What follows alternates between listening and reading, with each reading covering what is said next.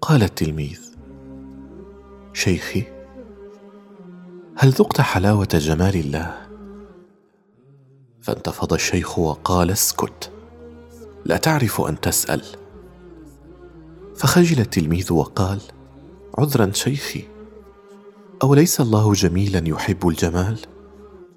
فقال الشيخ بلى بل الله أجمل موجود. وكل جمال الكون من فيض جماله ولولا جماله تعالى ما رأيت جمالا قط. ولو اجتمع جمال الكون كله في مخلوق واحد فحاز هذا المخلوق الجمال المخلوق كله. لما جاز إلا أن يتلاشى لجمال خالقه عز وجل. فقال التلميذ فما وجه الخطأ في سؤالي يا شيخي؟ فحلم الشيخ وقال يا بني جمال الخالق جمال مطلق. هو جمال الأول والآخر والظاهر والباطن عز وجل.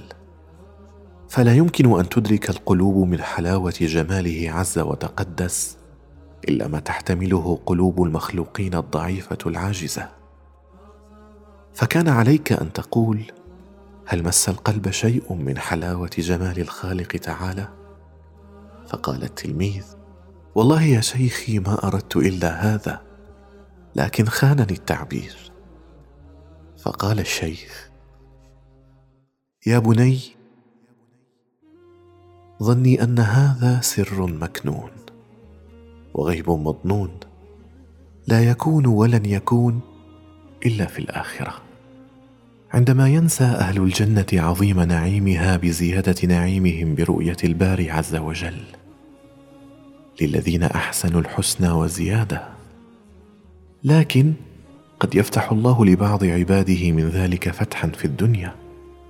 فقال التلميذ فصف لي ذلك الفتح يا شيخي. فقال الشيخ يا بني لا تسأل عن تلك اللذة ولا تطمع بأن يستطيع أحد وصف ذلك النعيم. إن فتح له في الدنيا من حلاوة جمال الله فتح. يا بني هل تفهم ومضة الجمال المجتمعة في اللحظة الأولى لرؤية من كان أعمى طوال عشرات السنين؟ هل تعرف الانشراح الذي يشعره صدر من انكتمت أنفاسه حتى كاد يموت؟ ثم فجأة عاد إليه النفس كأقوى ما يكون؟ هل تدرك ومضه البرق كيف يمكن أن تضيء قلبك لو اجتمعت كلها فيه؟ هل يمكن أن تشعر بشعور تائه في الصحراء قتله الظمأ؟ فإذا به يفاجأ أمام وجهه وتحت قدمه بأجمل دوحة غناء وأعذب ماء.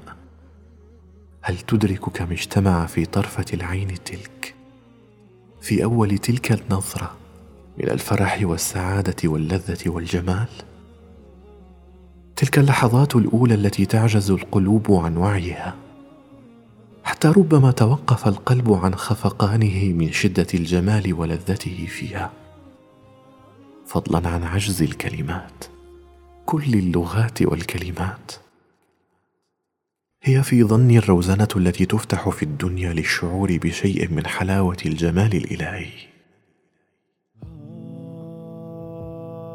ستشعر يا بني أن نورا انشق من قلبك فانبعث في السماء. ستشعر يا بني أن سخام قلبك قد غسل بماء بارد من الجنة. ستشعر يا بني أن شيئا مر بك من اللذة. لا أمكنك إلا أن تتقطع شوقا إليه. يا بني حق للعبد أن يبكي شوقا لله. يا بني حق للعبد أن يهيم حبا في الله. يا بني حق للعبد أن يستلذ كل جهد وجهاد في سبيل الوصول إلى نعيم جمال الله تعالى. يا بني حق للعبد الا يأسره أي جمال لو تعلق بجمال خالق الجمال. يا بني لا تسل عما لا تحيط به الألسن ولا تعيه القلوب ولا يمكن أن يصفه من ذاقه فضلا عمن لم يذق وإنما يتحدث عنه حديث مسكين عن قصص قصور الملوك. يصف ما لم يره ولا شعر به ولا طرق خياله شيء منه.